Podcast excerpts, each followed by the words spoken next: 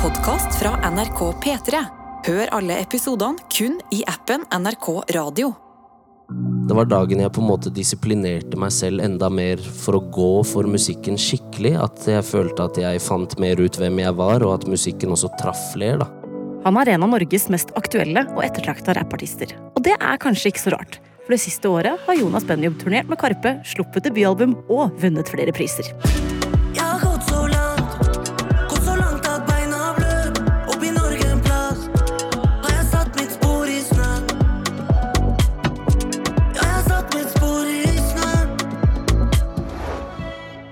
Hvordan starta det hele, og hva skjer videre? Det fikk vi vite da vi var så heldige å få snakke med sjølveste Jonas Benjob på Øyafestivalen i sommer. Ja, og noe av det vi lurte på, var jo hvordan han, som ble henta inn av Karpe til å være den kule på deres store diasporaalbum Omar Sheriff, ble interessert i musikk i det hele tatt. Og svaret på det er kanskje litt overraskende. Ifølge mutter'n så var det Prøysen-viser fra jeg var to år gammel rundt matbordet, og var glad i å underholde. Og hopp og sprett og tjo og hei og fire kvister deler seg, så kommer nøtteliten, her er jeg. Men også fra pappas marokkanske side så har det vært sang og musikk fra veldig ung alder.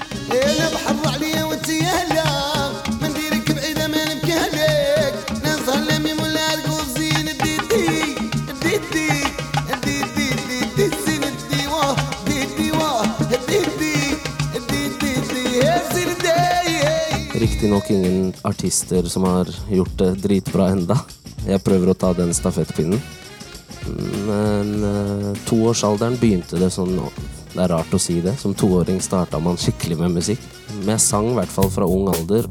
Jeg hørte masse på Michael Jackson. Jeg føler alle kanskje har likt Michael Jackson litt, eller liker. Det var veldig lett som kid å danse til, det var rytmisk. Men jeg gikk fort over i litt sånn fransk musikk. Hørte til og med på Edith Piaf. Non, rien de rien. Non, je ne regrette rien.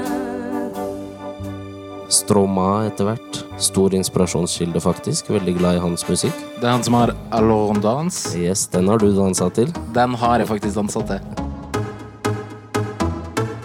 Alors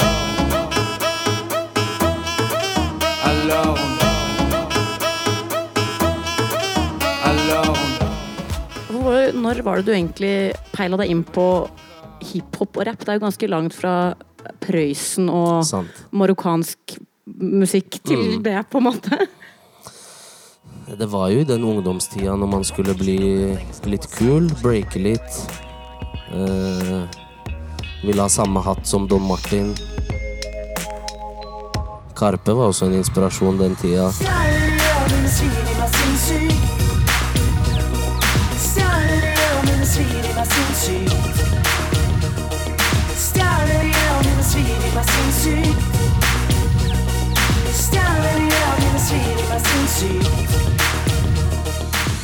Men i 2010 så blir han med på noe som kanskje ikke er så hiphop, nemlig talentkonkurransen X-Faktor.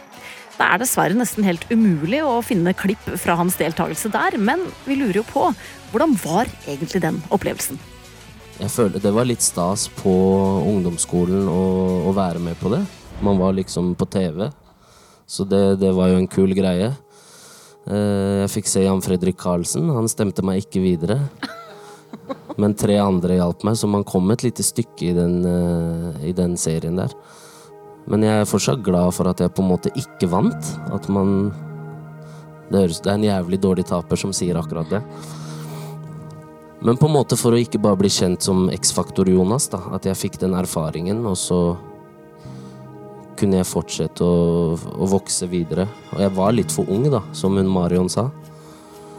Og, og det var nok riktig å ikke gå videre til livesendinger der. Men jeg tok jo med meg veldig god erfaring, og måtte jo kjenne på et nederlag også, som 15-åring.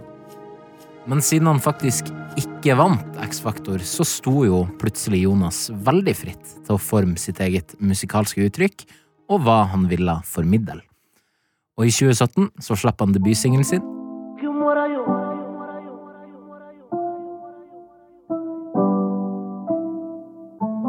etter dag, jo mora jo. Brr, brr på telefon. Mye som skjer, vær kritisk. Folk bare prater kynisk. Hvem er de som var med deg fra zero? Ikke gi opp, Lill Frero. Trodde ikke, men vi kom for det, jo. Ikke gi opp, lill frero. Drømt om dette siden jeg var barn. Ville bare ha fulle kjøleskap. Alt annet var bonus så klart. De trappa i trappa til para kom kjapt. Alt annet var bonus så klart, men en mann sørger alltid for at femmen har mat. Dag etter dag kommer nok lengst som vi spiller på lag.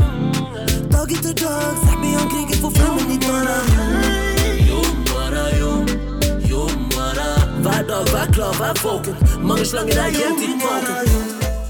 Kan jeg først bare si at eh, jeg hadde glemt den låta litt fram til X2-festivalen tidligere i år, og ble så gira da jeg hørte den igjen. Det er jo en, en banger, eh, først og fremst. Takk skal du ha. Din debutlåt, men den fikk jo litt bein å gå på da den ble med i Skam i, i 2017. Hvordan var det å gå fra liksom Ja, du er med på X-Faktor, du jobber litt i det stille, du finner litt din vei til å slippe din første låt, og så får den så medvind. Hva skal jeg si? Jeg ble veldig glad. Selvfølgelig. Det var jo Det var en tid Skam satt fart på mye, føler jeg. Det var jo ikke bare jeg som var i vinden med den låta. Eh, Fy faen kom jo rundt den tida. Cezinandos 'Verden er ikke perfekt' eller eh, med Astrid S, den låta tror jeg også var på Skam. Så man så jo hvilken effekt Skam-effekten hadde, da. Men jeg var veldig Jeg følte det var steget inn som Nå begynner det. Nå er vi fått platekontrakt med Universal, nå er mutter'n dritglad. Liksom, det begynte å rulle litt, da. Så det Jeg tror jeg mest av alt var bare yes. For at det blir tatt litt seriøst. Ja, det betydde mye at et um, arabisk ord kunne flyte så godt i Norge òg, i 2017 på en måte. Ja, For hvordan var egentlig det? Å slippe en låt med en arabisk tittel? Nei, jeg, jeg fikk ikke så mye negative tilbakemeldinger på det. Eh, Jeg fikk ikke så mye sånn eh, 'bør du ikke bytte ut det ordet', eller Det var ikke så hardt å svelge den jom arajom. Det høres ut som vi er fra Harstad eller noe, tror jeg. Nei, det var utrolig, utrolig gøy. Den jom arajom var jo inspirert av en artist som heter Gilly fra Danmark. Som slapp litt sånn arabiske rytmer i musikken sin og brukte litt utenlandske ord, og jeg ble litt sånn ok, man kan gjøre det her. Så jeg ble litt sånn uh, revet med av han. مامي مامي مامي بنكي تعال هون يا حبيبتي مامي ريكا ريكا تعملو علي علي فانو فنو Mamma säger till mig La la la la Du ska finna en konseg La la la la Du ska finna en konseg La la la la Du ska finna en så fulgte jeg opp med El Diablo, som også var en litt revet med type låt av en annen dansk artist. El diablo.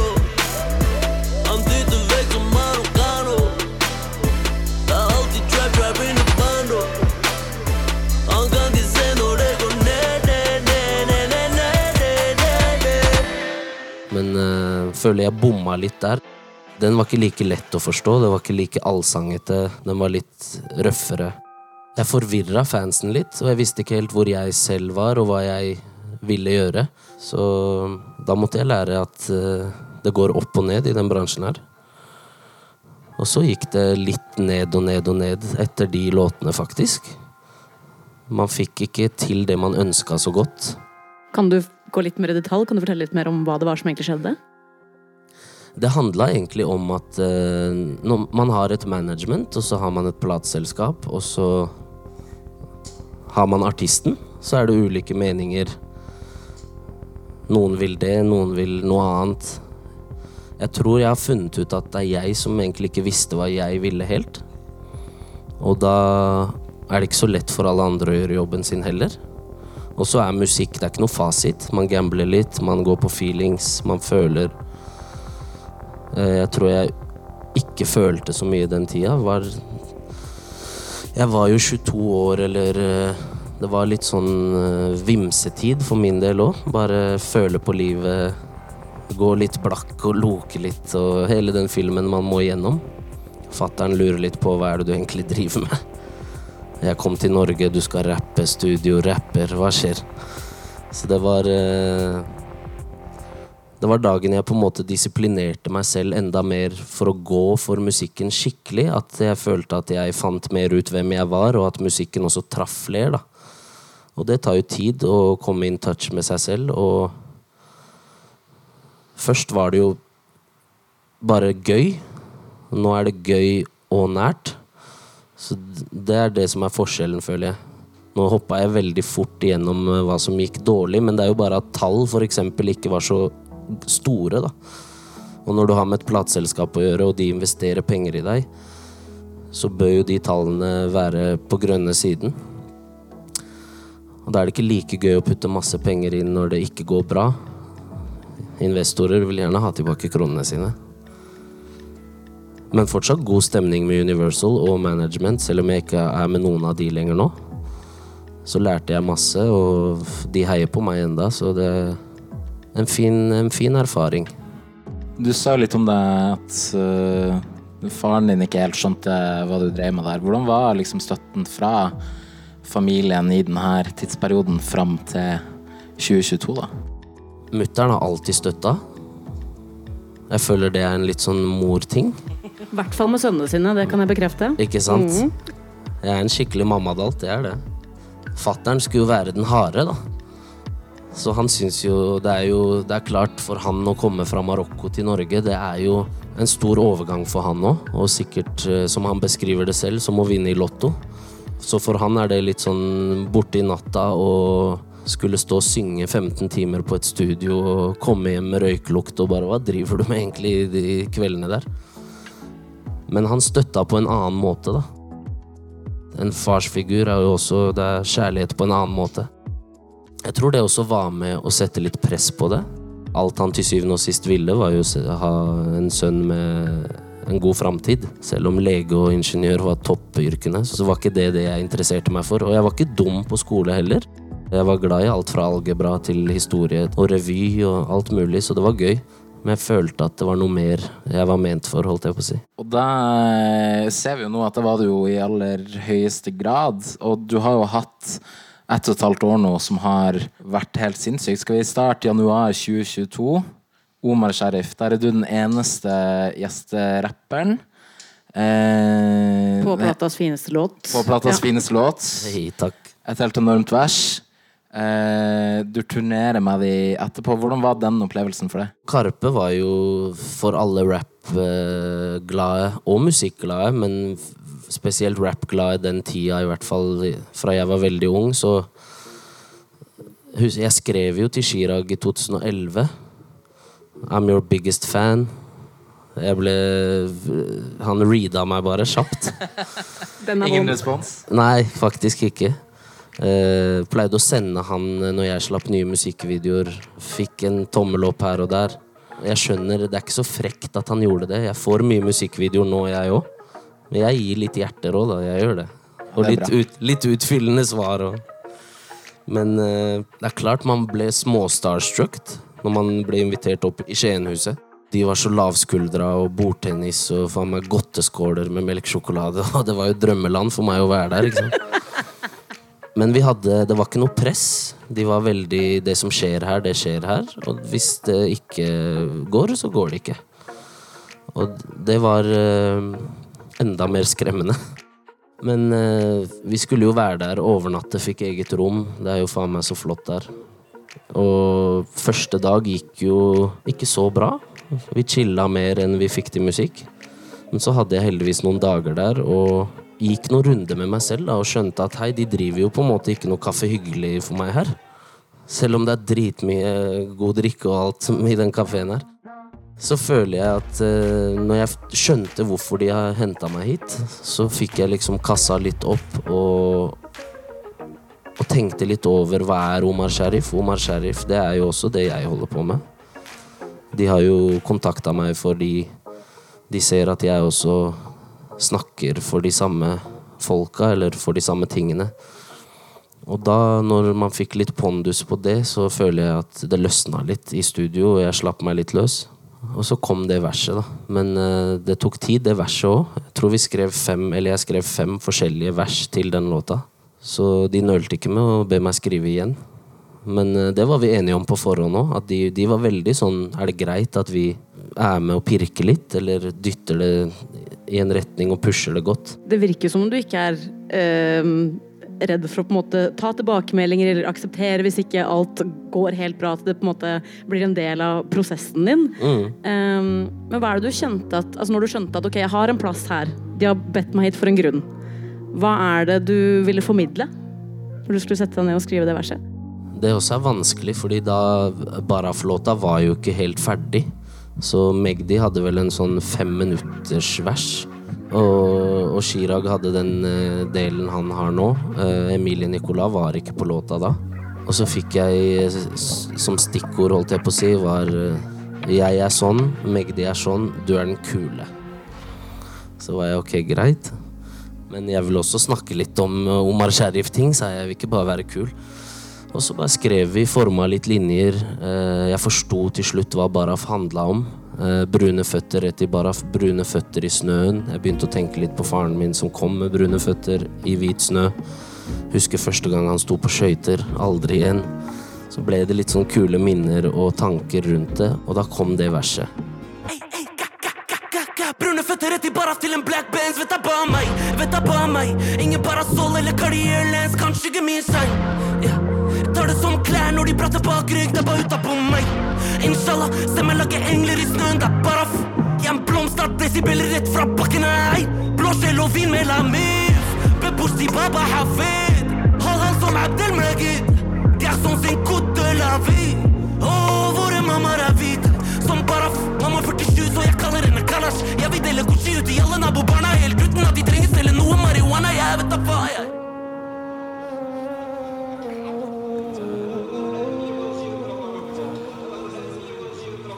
Jeg vet ikke, det er mer en følelse i, i, i stemmen der òg, som betyr mye i det verset.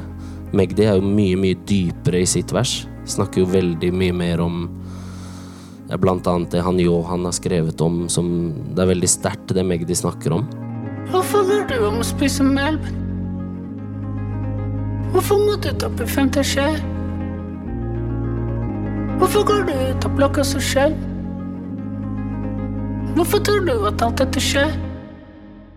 Men vi kunne ikke bare ha sterk, sterk, sterk gjennom hele låta heller, så de er veldig gode på å bygge opp en låt. Jeg lærte veldig mye av å være der. Det å ikke si seg fornøyd med noe etter bare første gang i studio. Jeg var veldig Hvis jeg hang med gutta i Oslo, og vi satt i studio en kveld, lagde en banger, som du kaller det, og bare dro ut av studio og bare Yes, nå har vi den. Mens der så skriver de nærmest en bachelor i versene sine, du vet. Men nå, det blir ikke bachelor. Det blir, jeg må balansere det litt. Men jeg tok med meg veldig mye. da. De har erfart veldig mye. Og, og jeg skjønte hvor lang tid det har tatt for dem òg. Og alt Jonas lærte av Karpe, har nå kommet godt med. For bare et par måneder etter at Omar Sheriff kom ut, så slapp Jonas Benjob debutplata si. Zero Love. Og det skulle vise at arbeidet med den plata også skulle bli en ganske spesiell prosess. Jeg føler ikke at eh, jeg gikk inn for å lage et album. For jeg jobba mye med State på den skiva, og der var det Jeg måtte ta de sessionsene jeg fikk. De jobba masse med Alan Walker og mye annet som liksom gaina penger. Så da var det plutselig 'Kan du komme?' Klokka er tolv på natta. Yes, jeg dukker opp, jeg. Så det ble mye seine kvelder med den skiva. Så jeg tror det var Zero Love ble tittelen fordi det var null kjærlighet mot meg selv og helse og tid. Så det var litt mørkt og fint samtidig. Det ble litt musikk ut av mørket, holdt jeg på å si. Jeg føler ingen smerte, ja. Jeg zero love, yeah, yeah. Bullshit, så jeg flytter gjerne,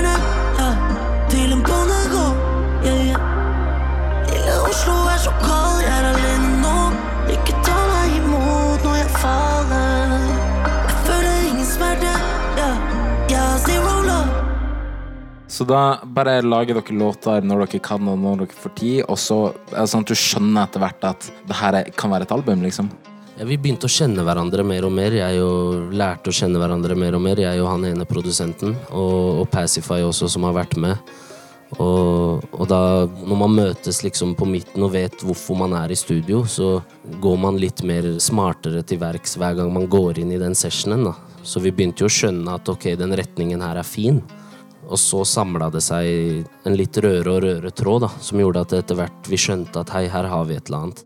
Jeg vil ha suppe når jeg er syk, jeg vil ikke ha roser på min grav. Jeg trenger deg nå, i går og i dag, i morgen er kanskje ikke en ny dag. Han som var med deg når du var zero, han som sekken på skolen. Alt er ikke dirham, kroner dinero. Hvis jeg var et bord, da trenger jeg stol. Stole på lamif, mer enn på sahbi. Legger ned noe laff for mine ahis. House cookie kokito, den er fantastisk, men en schizo life gir deg bare panikk. Du er ikke evig ung, du er ikke evig rik, men det er alltid fri. Hele Palestin til jeg pakkes i hvitt, eller six feet deep, så pakk opp din brick hvis den gir deg noe langt. Nå jobber jeg med et annet album, så det er på en litt annen måte igjen.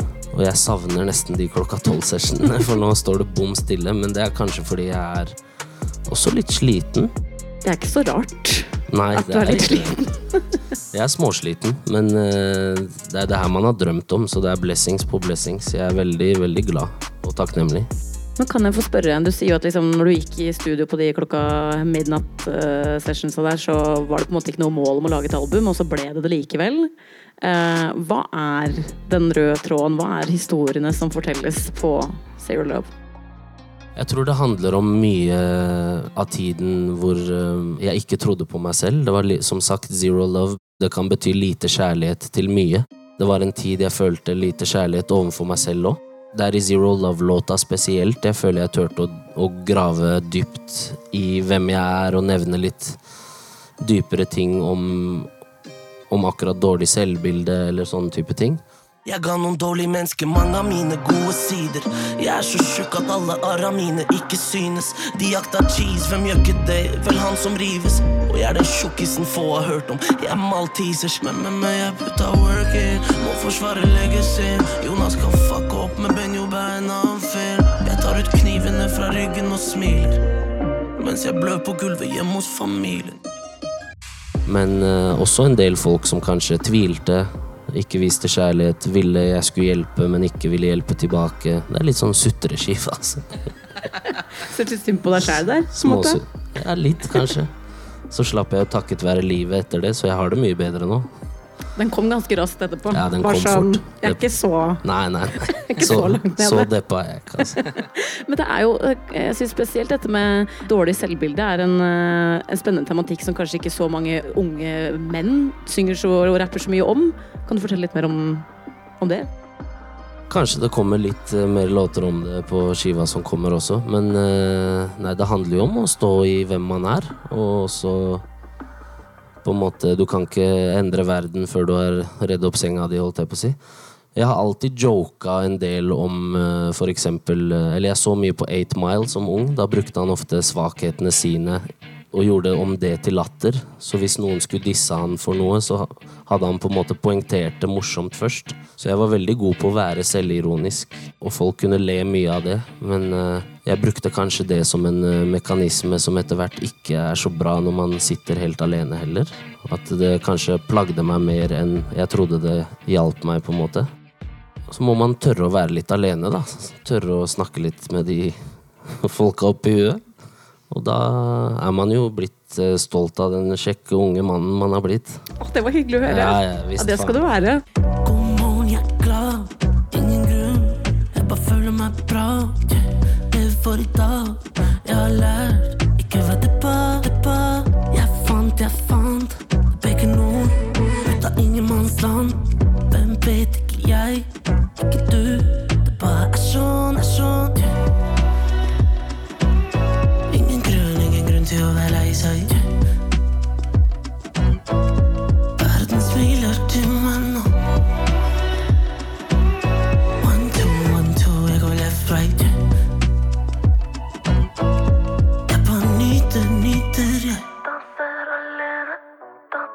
så var det én spesifikk låt som eh, jeg og Anna var nysgjerrig på. Og det er låta Baba Sa fra deluxe-versjonen av Zero Love, der vi faktisk hører fra faren til Jonas i låta. Og som vi har hørt tidligere i denne episoden, så har faren til Jonas eh, ment at kanskje ikke musikken var den beste veien for han å gå. Og nå er han på en av låtene hans. Det måtte vi selvfølgelig høre om hvordan gikk det. Han visste jo ikke at han var med på den låta, faktisk. Men uh, vi skulle ha et intervju med en avis hvor de lurte på noe om fattern.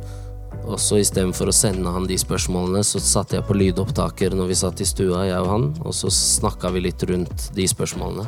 Og da, da satt jeg bare og egentlig prosesserte at han skulle svare, men jeg tenkte ikke over hva han egentlig satt og sa.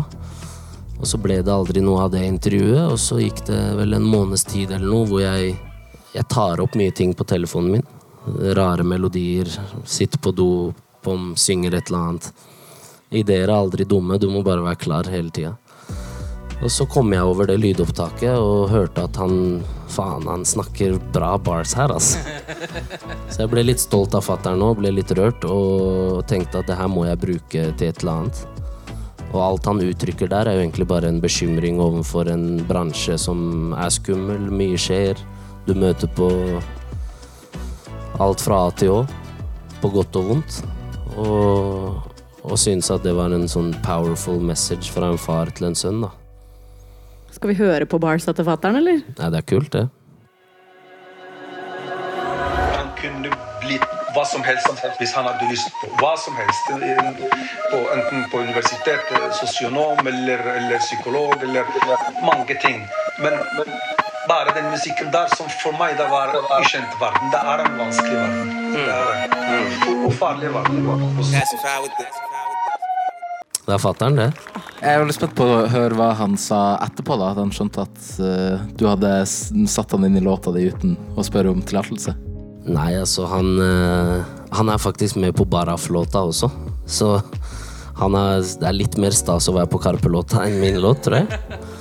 Han- Enn så lenge. Ja, han, ja, enn så lenge. Helt riktig. Det er litt søt hevn, da, egentlig. Nå er du med på Det det. den artistkarrieren som går så bra. Og den går jo så bra at du, du har fått masse priser for artisteriet ditt. Du har fått årets gjennombrudd på P3 Gull, årets stjerneskudd på Bylarm, årets eh, hiphop-album på Spellemann, der du også var nominert til årets nykommer. Det som går igjen her, er jo gjennombrudd, nykommer, stjerneskudd, til tross for at du holdt på så lenge som du har gjort. Hva tenker du om det? Jeg tenker som en god venn sa, du må gjennom brudd for å få gjennombrudd. Så man må, man må føle litt på det. Det tar tid. Så jeg tenker eh, Jeg tenker det har tatt den tida det trengte å ta. Og jeg føler jo enda ikke at jeg er der, selv om liksom det nå har, nå har det begynt mer. Nå føler jeg at nå er kritikerne her, nå er øynene på meg. Nå dropper folk lunsj på Kaffe Landromat og kommer hit isteden. Så det er jo det er, det er deilig at eh, det er bekreftelser på ting, da. Og det er klart at fattern, mutter'n det, det er jo på en måte mine bachelorgrader jeg tar med hjem i form av de prisene. Og hvis eh, Spellemannpris er en bachelorgrad, så må ja, konserten til Jonas Benjob ha vært en mastergrad. Eh, En doktorgrad, vil jeg si. I god stemning og bra framføring. Han dro fram Josef fra Madcon, han dro fram Karpe. Aldri hørt sånn stemning i et publikum før.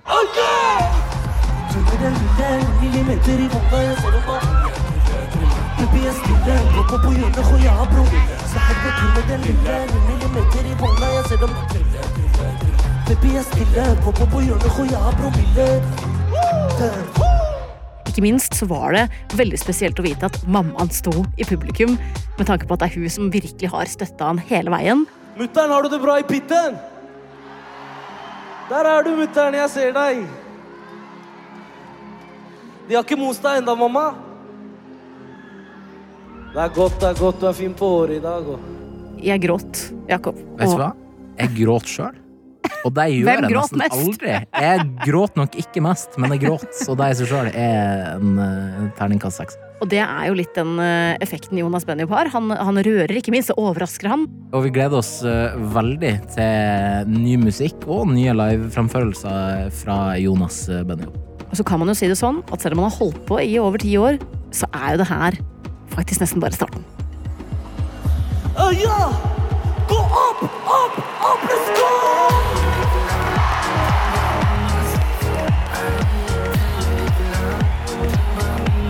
Du har hørt en episode av Musikkrommet. Hvis du likte det du hørte, så må du gjerne anbefale oss til en venn. Tusen takk til Jonas Benjob, Øyafestivalen og særlig lydtekniker Benjamin Skalde Frisvold.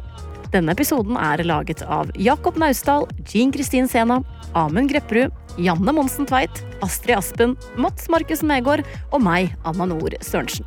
Redaksjonssjef er Ida Line Tangen. Du har hørt en podkast fra NRK P3. Hør alle episodene kun i appen NRK Radio.